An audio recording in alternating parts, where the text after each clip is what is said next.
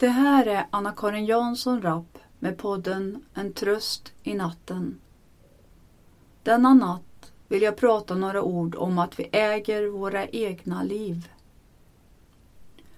Ibland fastnar vi i våra rädslor och natten är en sådan tid som gör det extra svårt därför att då är man ensam med sina rädslor. Även dagtid kan man vara ensam med sina rädslor men på natten får de ofantligt stort utrymme. Men har de verkligen rätt till det? Gäller det inte med dem, precis som det ska göra med allt annat tvång vi möter i livet? Att vi har rätt att säga stopp, nu är det nog. Men med rädslorna är det som att vi många gånger glömmer att vi har ett självbestämmande som ska gälla och inte något tvång. Rädslans fula tryne ska inte äga tillträde till våra tankar och känsloliv. Mycket i livet handlar om rädslor, speciellt så har det sett ut så de senaste åren. Överallt översköljs vi av skrämsel. I tidningar, radio och TV, på MSN och på sociala medier. Inte ens på bussarna har vi fått vara i fred ifrån skrämselpropagandan. Har vi då egna problem som vi sedan tidigare redan jobbar med i tankar och i känslor så kan det vara, verkligen bli för mycket. Har vi också som barn och ungdomar blivit övergivna, sittande ensamma med våra rädslor, så har natten blivit än mer skrämmande. Som uppväxt inom Pinkyrkan, som jag som utbildad teolog betecknar som en sekt, fick jag tidigt lära mig att mycket i livet var farligt och fel. Också att jag var fel.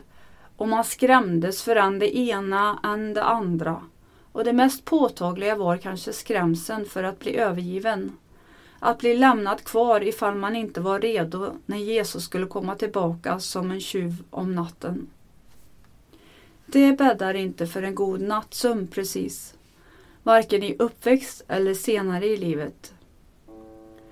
Men tanken har väckts inom mig att kanske så behöver jag inte låta rädslans fula tryne få skrämma mig. Kanske är jag i min fulla rätt att välja att säga stopp, nu är det nog.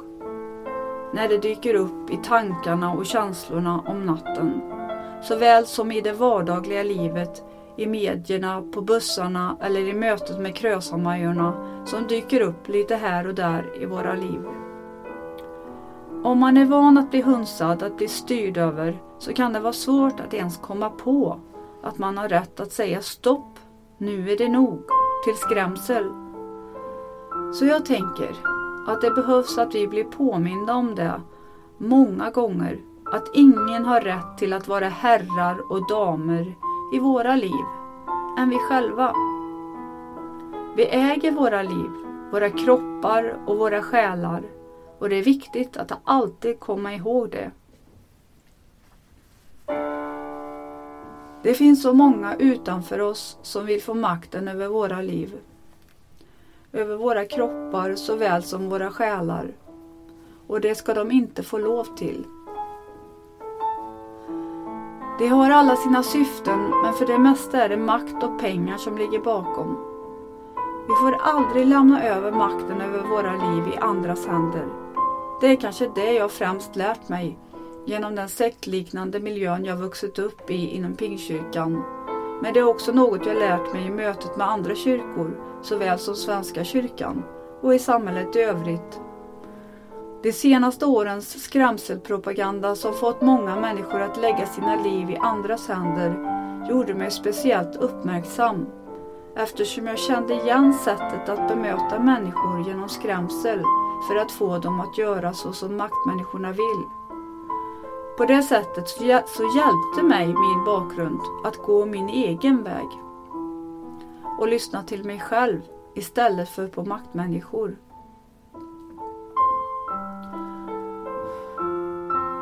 Men rädslorna som stör oss på nätterna ska inte heller få lov att göra det.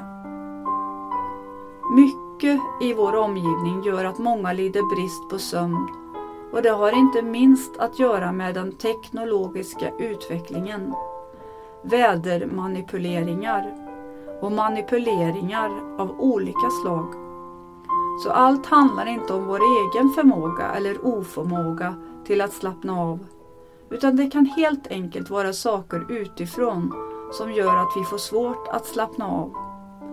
Men vi kan göra det bästa av situationen. Vi kan försöka se på oss själva som de suveräna individer som vi faktiskt är allihop. Att vi äger våra egna liv. Att vi äger våra kroppar och själar. Att ingen har rätt till att inkräkta på vare sig vår sömn eller våra tankar och känslor. Se på dig själv som den suveräna individ som är du. Som den fria människa som är du. Kanske har livet böjt dig ner mot jorden. Kom då ihåg att det aldrig är för sent att räta på sig igen. Du är den enda av ditt slag. Du är unik. Du är suverän och du äger ditt liv. Låt aldrig någon ta den vetskapen ifrån dig.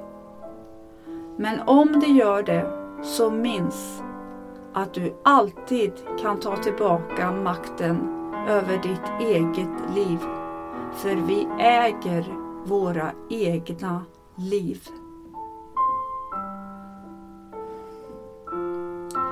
Det här är Anna-Karin Jansson Rapp med podden En tröst i natten.